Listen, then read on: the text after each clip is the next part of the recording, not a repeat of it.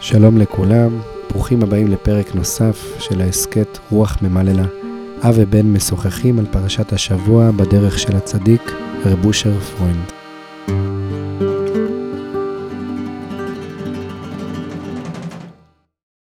מספרים שרב אושר היה עם הרב גדליה סגל וחסידים נוספים במירון, והיו ריקודים בכניסה לציון של רבי שמעון. והוא הצביע על הרוקדים והוא אמר לרב דליה סגל, תראה, ככה נראה המשיח. אז דליה סגל לא הבין מה הוא מתכוון, שאל אותו, מה, מה זאת אומרת ככה נראה המשיח? אז הוא אמר, תסתכל על הרגליים שלהם. אז רב דליה סגל אמר, מה זאת אומרת, ברגליים שלהם הם רואים את המשיח? הוא אמר, תראה, אחד עם סנדלים, אחד יחף, אחד עם uh, נעליים וגרביים uh, של חסידים, ובכל זאת הם רוקדים ביחד, ככה נראה המשיח. ואנחנו באמת יודעים שאצל רב אושר הסתובבו אנשים, זה היה חצר חסידית, שהיו בה אנשים עם שטריימלים, והיו בה אנשים עם כובעים, ואנשים עם כיפות סרוגות, ואנשים עם כיפות שחורות, ובאמת, אנשים מכל הסוגים, מבחינת המראה החיצוני, היה שם מגוון מאוד. ואצל רב אושר, זה היה חצר חסידית, שבעצם הלבושים, לא היה שם הנהגה אחת. לכולם, אלא לחלק הוא הנהיג ללכת עם שטריימל, לחלק דווקא שהיו אמורים ללכת עם שטריימל, הוא אמר להוריד את השטריימל.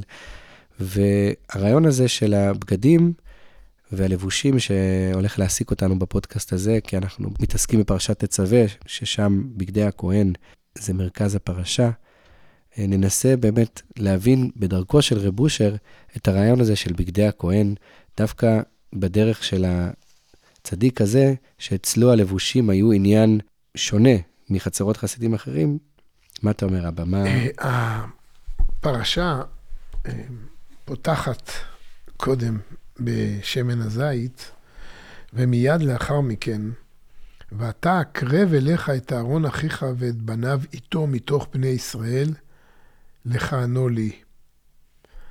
אהרון נדב ואביהו אלעזר ואיתמר בני אהרון, ועשית בגדי קודש לאהרון אחיך, לכבוד ולתפארת. בעצם, הקרב אליך את אהרון אחיך ואת בניו איתו מתוך בני ישראל. מה זה מוישיק ואתה אקרב אליך את אהרון אחיך ואת בניו איתו מתוך בני ישראל?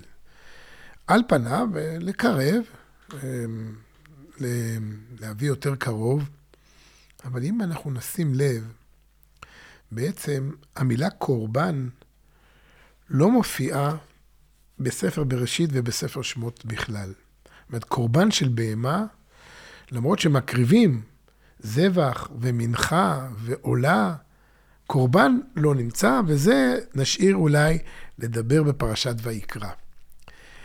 אבל כשמדברים שם על קורבן וכולם, חומש הקורבנות, וכולם ברור להם שכבר יש לנו איזשהו רקע, אין רקע.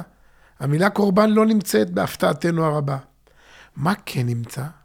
נמצא קורבן אחר, ואתה הקרב אליך את אהרון אחיך ואת בניו.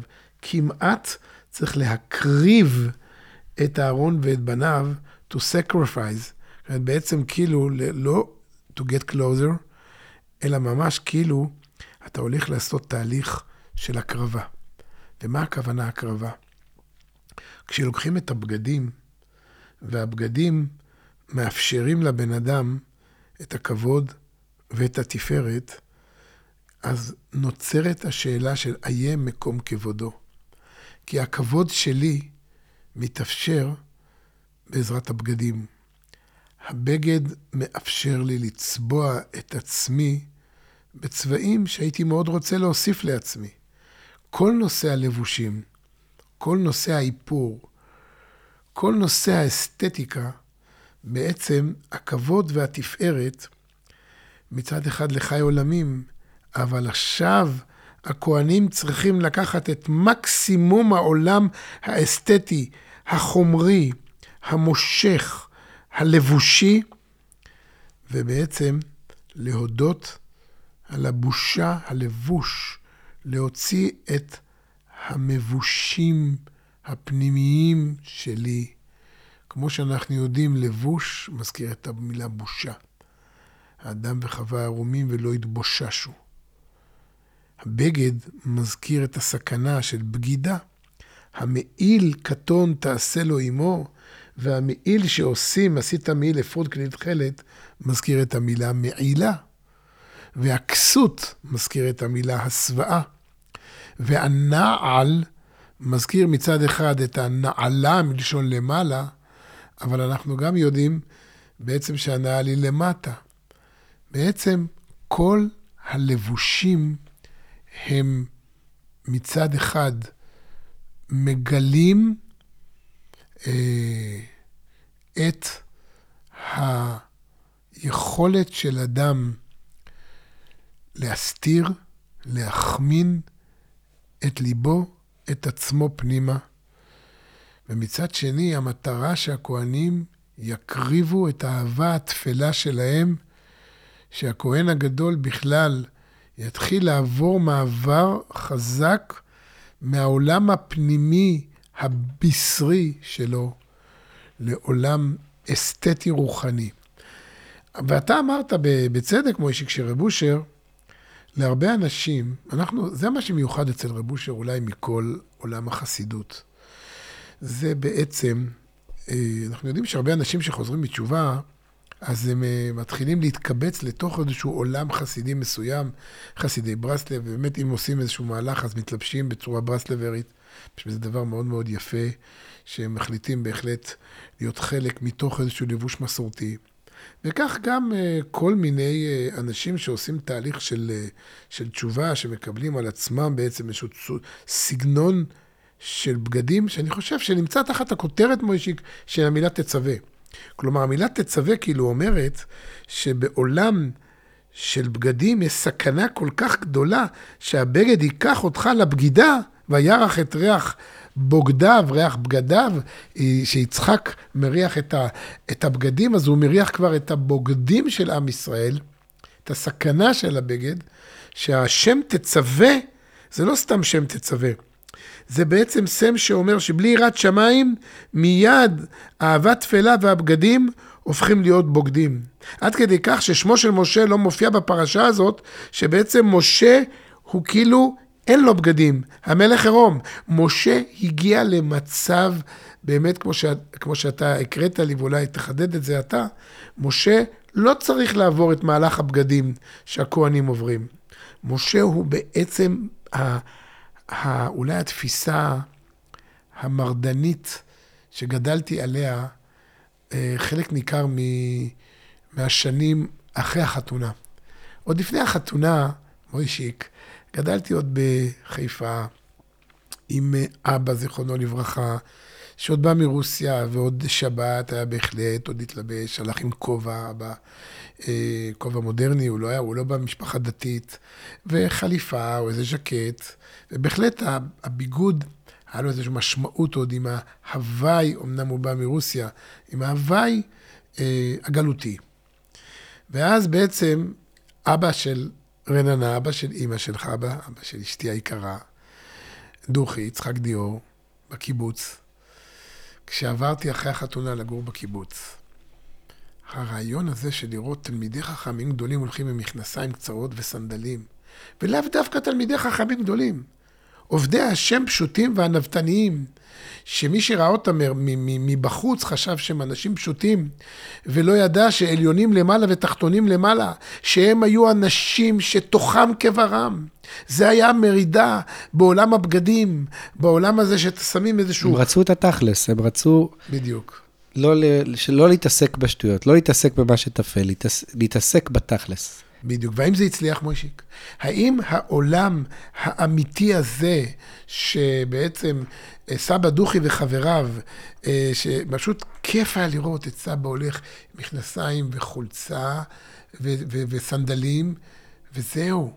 ואתה יודע שהוא לומד תורה, ואתה יודע שהוא עוזר ליהודים, שום דבר, אין עניבה, כשהוא נסע לחו"ל, לבש עניבה.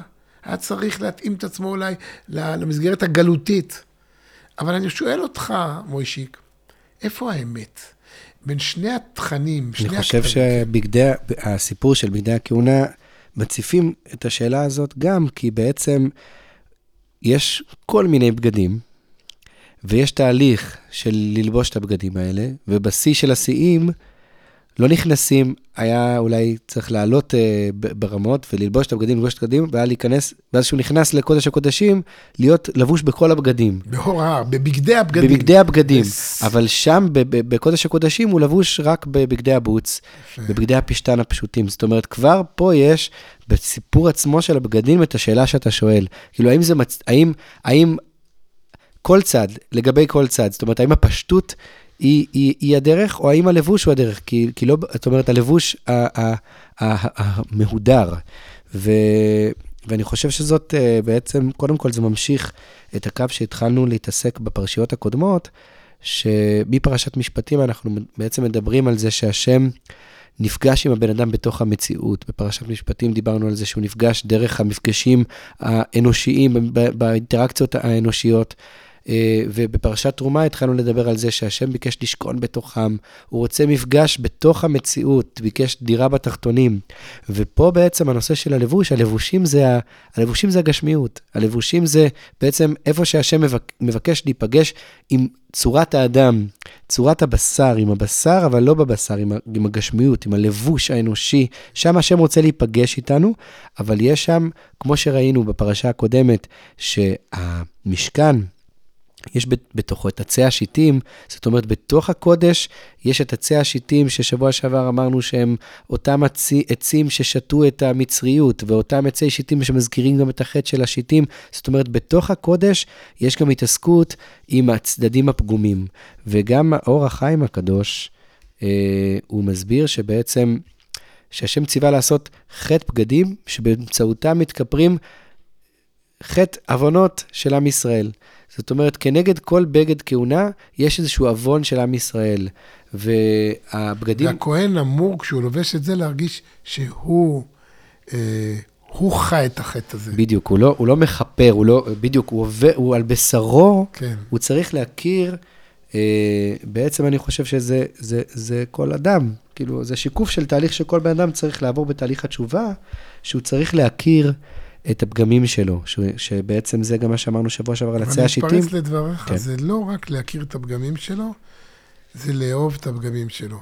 אני אסביר, כי אתה הרמת לי להנחתה. האינדיבידואליות. כלומר, כשאדם אוהב להתלבש בצורה מסוימת, אז בהחלט הוא תוחם את עצמו ממישהו אחר, ותוחם את עצמו גם קצת מהבורא. ובכל זאת, אנחנו רואים כשאדם וחווה לא- היו עירומים, אחר כך לאט לאט, מתי בעצם ילד קטן אה, מתחיל, כמו שאנחנו יודעים, להתחיל מתי התחילה הבושה של, ה, של, ה, של אדם וחווה? כן, התחילה הבושה אחרי שהם, זאת אומרת, אחרי החטא, כן. כשבעצם, מה שאתה אומר, נוצרה האינדיבידואליות שלהם. זאת אומרת, כשהם נהיו אה, מוב- נפרד, בנפרדות מהשם, אז, אז פתאום ניתנה להם אישיות, ואז ניתנה להם בושה ומודעות לעירום שלהם. אז כמו תינוק, אה, כמו תינוק שבעצם הוא, אה, הוא הוא מתחיל בתחושה אחדותית עם העולם ועם אימא שלו, ובאיזשהו שלב מתחילה אצלו נפרדות, ואז יכולה גם להתחיל הבושה. ושם הקדוש ברוך הוא רוצה להיכנס בעצם, ובעצם הוא אומר, אתה יודע מה, אני הולך איתך. כלומר, בעצם, לכבוד ולתפארת. בוא נלך עם הבגדים. הקדוש ברוך הוא so called נכנע ואומר, יאללה, בסדר. כלומר, רציתי לבנות עולם שלם אה, שאין בו נפרדות ממני. בוא ניקח עכשיו את כל הנפרדות, בוא נקדש אותה. בוא בעצם, וזה בעצם, אני חושב, מפגש כן. מתרחש בתוך ה... באמצעות הנפרדות. זאת אומרת, זה... איך, זה תסביר את המשפט הזה. מפגש מתרחש בתוך הנפרדות. באמצעות הנפרדות, כן, כי תסביר. צריך, כי השם רוצה כן. מערכת יחסים. ואם השם הוא אינסוף, אז, ואז, אז אינסוף לא יכול לפגוש אינסוף. אינסוף זה אינסוף. אין סוף אז לא יכול לפגוש משהו- את הסוף. כן. אז איך הסוף פוגש את האינסוף? גם הכהן הגדול בעצם, הוא, לא נכ... הוא נכנס בסוף עם, ה... עם הלבוש הפשתן, אבל הוא צריך לעבור דרך הלבושים של ה... אה, מה שאמרנו שכל לבוש הוא סמל לאיזשהו פגם, אז אדם, מה שמייחד אותו זה שיש לו מוגבלות. ויש לו פגמים. ומה שמבדיל אותו מה... מה, זה מה שנקרא לאהוב את הפגם. אתה מכיר את עצמך, כי השם ברא אותי. כזה. השם ברא אותי כזה כדי שייווצר מערכת. יחסים שלי. איתך. או. אני רוצה את הקשר איתך, אבל ולכן אני דרך רוצה שתהיה המציאות שלך. אתה, דווקא שתהיה אתה. כלומר, שהבגדים יהיו שלך. אני אגיד משהו שהוא קצת אה, מאוד מאוד אישי, שאמא לא תכעס עליי. כשהכרתי את אמא, אמא הייתה קיבוצניקית, במלוא מובן המילה. בדור הזה ממש, סבא דוכי ואמא, אמא גם הלכה עם מעיל דובון כזה קלאסי, וזהו. ובשלב מסוים, בהיכרות בינינו, כשאני מאוד אהבתי דווקא יותר את הצד החיצוני ואת האינדיבידואליות, היית עירוני יותר בתפיסה שלך. עירוני הבאת יותר. את התפיסות העירוניות. ואימא התאהבה לאט לאט, כן, נקרא לזה, בצורה הכי עדינה, דווקא בבגדים וביופי, שזה מאוד מאוד מאוד שימח אותי. ולפעמים שאלתי אותה אם לא קלקלתי אותה. ו, ובאמת ראיתי, אימא לא, כמעט לא מתאפרת, אבל היא אוהבת להתלבש באופי שלה. כלומר, עכשיו זה כבר לא משהו קיבוצי במובן הזה ששכפו לי כולם אותו בגד, אלא הקדוש ברוך הוא ברא אותי, אז אני רוצה שזה יהיה אני, שזה יתאים לי. והיתאים לי הזה יוצר בעצם, זה הפגם שלי, אבל רק מהפגם הזה השם מדבר איתי. כלומר, אני חייב לפגוש את האנטי השם שבי, את המציאות שבי, כי האנטי השם שבי זה השם שבי דווקא. זה, כן, זה תגיד, ה- זה הציווי. צוותא. זה הדרך, כן, נכון, לצוות, בדיוק. אתה תצווה, מה שגם אמרנו שבוע. שעבר, ב- מלשון לצוות זה לזה, מלשון לצוות זה לזה. זאת אומרת, זה, שבוע שעבר הסברנו בשם הפריאר, זה הדבקות של האדם, הציווי, המצווה, זה, זה דבקות של אדם רוצה להיפגש עם הבורא. אבל אנחנו מבינים שבעצם, כדי שאדם ייפגש עם הבורא, צריך להיות אדם. צריך להיות בחינת אנוש שנפגש עם הבורא, השם ביקש דירה בתחתונים, והוא נתן את התורה, כמו שאמרנו, כמו שאנחנו מכירים במדרשים, לא למלאכים, אלא לבני אדם שלהם יש, צריך לתת תורה. זאת אומרת, להם יש משמעות לציווי לא תגנוב, כי יש להם את האפשרות של הגניבה. אצלם יש את הבגד כמו בגידה ואת המעילה ו, ו, וכל הדברים שאמרת. זאת אומרת, זה המציאות של הבן אדם. עכשיו, עם זה אדם צריך לבוא אל הבורא. ו, וזה מזכיר את מה שאמרת על, על אדם הראשון, שבעצם החטא שלו אולי היה אכילה מעץ הדת, אבל החטא, החטא שלו לדורות היה זה שהוא, שהוא התבייש בעצם, שבעצם הבושה שלו לבוא אל הבורא ולהגיד, נכון, חטאתי. זאת אומרת, ו, ופה בעצם יש, זה מה שעושה הכהן הגדול, נכנס, והוא מתוודה על החטאים. זאת אומרת, הוא, הוא, יש וידוי. זה, כל הרעיון זה להגיד בפה, מה, ש, מה שהאדם הראשון התבייש לומר, צריך לשים את הלבוש, כלומר, ל, ל, ללבוש את החטא, ללבוש את בגדי עשיו, כמו שעשה יעקב. ללבוש את אומרת, תפלה. ללבוש את האהבה אבל תפילה. מצד שני זה לא רק אהבה תפלה, זה האסתטיקה זה של לא העולם. רק אהבה תפלה, זה, זה, זה, איש, זה האנושיות. זאת אומרת, זה להיות אדם. אדם בתוך העולם, עם הזהב, ועם, ועם הבוץ, ועם הארגמן, ועם האפר, ועם האפר, ועם העצי שיטים. זאת אומרת, כל, ה- ו, ו, זאת אומרת, כל המרכיבים של העולם, הם, הם נועדו, הם ריבוי שנועד בעצם שיהיו בו פרטים, שכל פרט יכיר את עצמו לעומק, ודרך זה שהוא יעשה עבודה של להכיר את עצמו, הוא ייפגש עם הבורא וינסה להיפגש עם הבורא. והסברת לי גם את העניין הזה של הבושה שהאדם, ש, שבעצם במגילה גם אנחנו... נכון, נכון, השם יפה. השם משמואל מדבר על בגדי הכהונה, כן. והוא מביא משהו מאוד מעניין, והוא הוא מביא בשם אביו זקנו, אה, שכל דבר פנימי צריך כיסוי ולבוש. לכן הכהנים שהם דבר פנימי, הם צריכים בגדים. והלוויים דווקא הם לאר מקאלה. אחר כך הוא מביא מהפרקי דרבי אליעזר, שעמלק הם גם כן דבר פנימי. אבל יש פנימי, יש פנימי רע ופנימי טוב, הוא מסביר. והפנימי הרע זה פנימי שלא מוציאים לבחוץ, שמסתירים את הרע בחוץ. זאת אומרת, הפנימי, הפנימי הטוב זה שמגלים בפנים את הרע ומוציאים אותו החוצה. אה, ואיך הוא, איך הוא מדגים את זה? הוא אומר, גם עשיו חשב בליבו, ו... זאת אומרת, ויאמר עשיו בליבי, וגם המן, ויאמר המן בליבו. אה, וזהו עניין, הוא אומר, וזהו עניין לבוש וכיסוי שמסתיר הרע בליבו. מה שאנחנו מכירים מרב אושר, שההדרכה העיקרית שלו הייתה לצאת אל השדה ולדבר עם השם בפה ולא, ב, ולא במחשבות, לדבר עם השם בפה ולהודות על החטאים, ובעיקר הוא אמר שיהיה לך חבר שתוכל להגיד לו את כל הפגמים שלך, ושהוא לא ישתמש בזה כנגדך. זאת אומרת, הרעיון הזה של לא, לה, לא להשאיר את הרע אה, בפנים, אה, אלא להוציא אותו החוצה, זה אחד הדברים החשובים שרבו אושר ציווה אותנו. ואנחנו רואים שיש פה גם בפרשה... כלומר, אתה אומר שאדם לובש את הבגד, ואז מתאפשר לו דווקא העניין של ההסתתרות בתוך ליבו, ואז העבודה שהוא עושה עם הפרווה הזאת, שהוא במקום להגיד בליבו, הוא מדבר בשפתיו. וגם, מיד תמשיך, הרמא קאלה שאמרת על הלוויים, הלוויים זה בחינת קול, זה, זה בעצם שירה.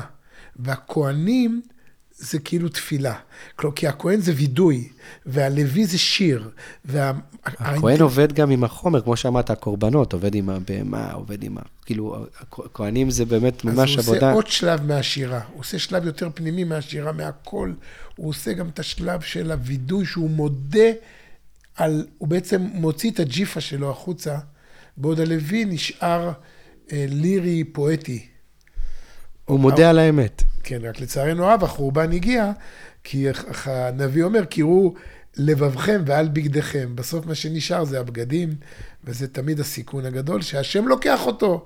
משה כעס, אבל הקדוש ברוך הוא לוקח את הסיכון הזה, כנראה יש לו סבלנות גדולה מאוד. אז תמשיך. אני רק אומר שמה שאמרנו, מה שאמרתי מקודם בשם השם משמואל, שהוא... הוא, אה, בעצם מקשר פה את העניין של הבגדים גם לעמלק ולשבת זכור, ומדבר על עשיו והמן כמי שמדברים בליבם, זאת אומרת, חושבים את המחשבות, אבל לא מוציאים את זה החוצה, אז באמת אנחנו רואים שפה בפרשה, אה, אתה, השם אומר, למצווה את משה, שלא כתוב פה, ואתה תדבר אל כל חכמי לב, אשר מלטיב רוח חוכמה, ועשות בגדי אהרון.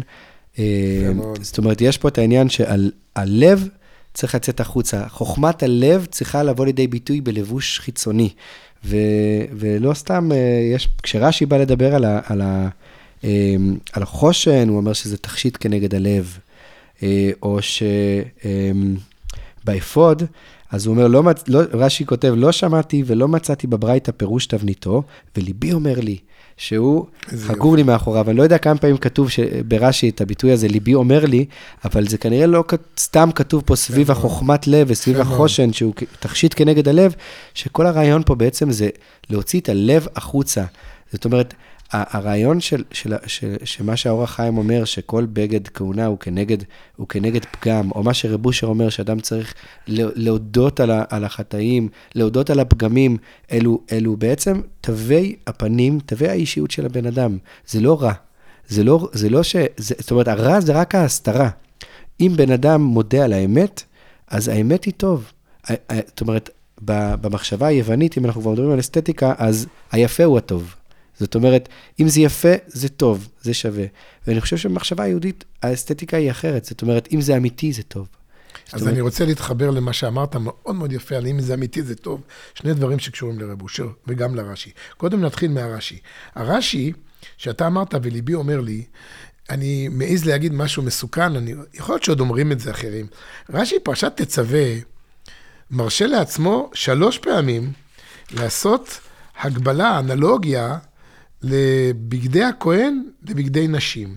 פעם אחת הוא מדבר על האפוד, כמו שאמרת, ליבי אומר לי שהוא חגור מאחוריו, כמו, כמין סינר שחוגרות השרות כשרוכבות על הסוסים. השרות כשרוכבות, הדמיון, הפנטזיה, האנלוגיה שיש לו לרש"י, זה דווקא את אותן שרות כשרוכבות על סוסים. או במקום אחר, ועשו את האפוד, גם רש"י אומר, עשוי כמין סינר של נשים רוכבות סוסים. ובעוד מקום שלישי, רש"י מזכיר את אותו דבר, שבעצם יוצא שרש"י מאוד אה, מדמה את ה... למשל, אה, מעילים במעשה תמר, כן תלבשנה בנות המלך הבתולות מעילים. ממש כאילו, הבנות הלובשות, הכהן לובש בגדים כמו בנות וחגרו כמו בנות, וכמו שרות וכמו רוכבות סוסים. מה זה כל האסוציאציות, ה... נקרא לזה, הכל כך ליברליות, הכל כך פתוחות האלה? אבל לא, זה רש"י, זה עוצמה של רש"י. אתה לוקח את הדמיון הטבעי שיש לך, שהוא בחוץ, ברחוב, כמו שרב אושר אומר, מה אכפת לך שהקדוש ברוך הוא מסתובב ברחובות? הרב קליר שאל אותו, מה עושים, מה עושים אה, איך אני יכול, בק... שמירת העיניים, איך אני יכול לצאת, לראות... בקיץ, שמסתובבות בקיץ. הבחורות. אז הוא אמר לו, מה אכפת לך שאלוקים מסתובב ברחובות? הנה, הבנות האלה שרוכבות, אז רש"י לוקח את אותו מראה, את אותו יכולת שלו, שם אותם בכהן הגדול. כלומר, הוא בעצם, לא במובן הזה שהוא, שהוא נהיה, אה, סליחה שאני אגיד את זה, דוס, אלא הוא נהיה מודה על האמת. זאת העוצמה. כאילו, מה שהוא אמר לאהרון קלירס, הוא אמר לו, אתה יוצא החוצה, ואתה אומר, אוי ואי, אוי ואי, אוי כאילו, על, על מה שאתה רואה בחוץ. במקום שזה יזכיר לך את המציאות שלך, שאתה מתהווה לזה. זאת אומרת, זה, ותודה על האמת, תגיד, הקדוש ברוך הוא, אני רואה שאתה מדבר אליי, אני רואה שאתה מדבר אליי, שיש לי תאווה, שיש לי... לא רק שיש לי תאווה, הוא לא רוצה, הוא לא רוצה להכאיב לנו. התאווה הזאת זה התגלות זה שיחה, שלו. זה שיחה זה חמוקי הבורא. אה, בדיוק, זה שיחה של, נכון, שיחה של חייתי. רוב הזמן אנחנו מגשמים, אבל אם אנחנו יכולים פעם אחת, במקום לגשם, להבין שיש פה התגלות בורא, שיש פה זהות אה, אחד לאחד בין התגלות בורא לשיר השירים שהוא קודש קודשים. בדיוק, אבל שיר השירים, אבל פה אני חושב ש, שבאמת אולי הדבר הכי, הכי אה, אה, יפה זה שבעצם בקודש הקודשים, בחדר המיטות, מודים על האמת. זאת אומרת, עושים את הווידוי. כאילו, שם לכאורה היה דווקא בית הסתרים, שאתה... שם הכי מסתירים. אז אתה אומר שדווקא בקודש הקודשים, בבית הסתרים, אנחנו אמורים להודות על האמת. מגלים את הפנימיות הלא נעימה. זאת אומרת, היית רוצה... מגילת אסתר, מגלים את הנסתרות. יפה. אז, אז אני מגיע להרשל דייטש, הרב הרשל דייטש, שסיפר לי היום, ממש בהשגחה פרטית, בשם, בשם גדליה סגל, בשם רב אושר, שהוא שמע את זה אישית, נראה לי זה מופיע באמרי אשר. וזה כל מה שבעצם אמרת עכשיו. שבעצם, שאל רב גדליה סגל, למה מצפים את הארון בזהב, אם הארון עשוי יוצאי שיטים, עשוי מקרשים שיטים, קרשים שוטים, מצפים את זה זהב? באמת, מה כל כך לשים נזם אה, אה, זהב בנבלה סרוחה של בן אדם? כלומר, עצי שיטים, אתה שם על זה זהב? אמר רב בושר, הארון עשוי לקבל, להיות כלי ללוחות, ללוחות הברית, לתורה. הארון משול כנגד לתורה. שם התורה, הבן אדם הוא מציאות של גוף, בשר, שעכשיו מתחיל ללמוד תורה. וכשהוא מתחיל ללמוד תורה, הוא יכול להתגדל בתורה וליצור ולגדול ולהגיע ולהשפיע ולהמריא ולהגיע לזהב, לגעת בזהב.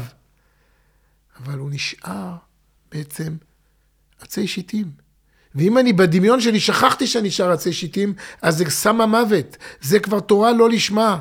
ולכן כל הרעיון שמצפים מזהב להגיד, הקדוש ברוך הוא אוהב אותי, אני עם, ה... עם הקקי שלי, אני עצי שיטים, ואני אוהב אותך, אם אתה מוכן לקבל את עצמך, אז אני שם לך ציפוי זהב.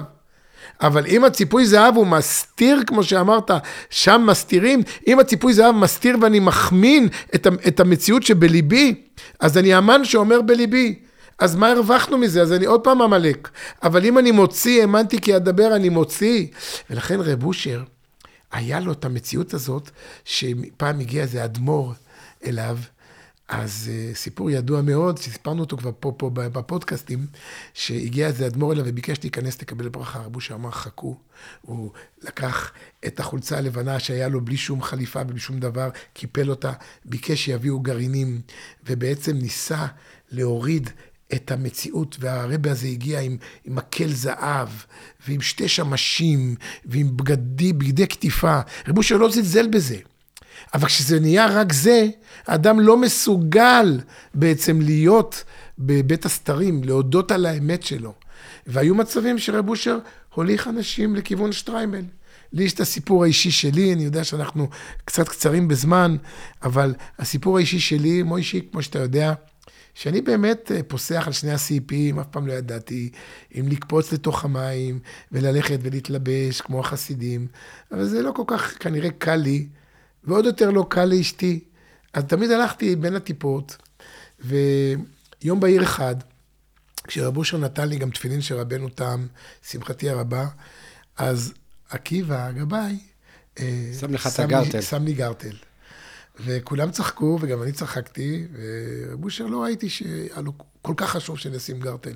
אמרתי לרב אושר, נשים את זה פעם ביום, עשה לי עם הראש בסדר.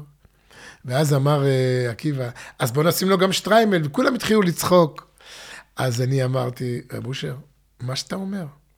רב אושר גם התחיל לצחוק. אמרתי, רב אושר, תגיד, תגיד. אז הוא אומר, תקנה שטריימל.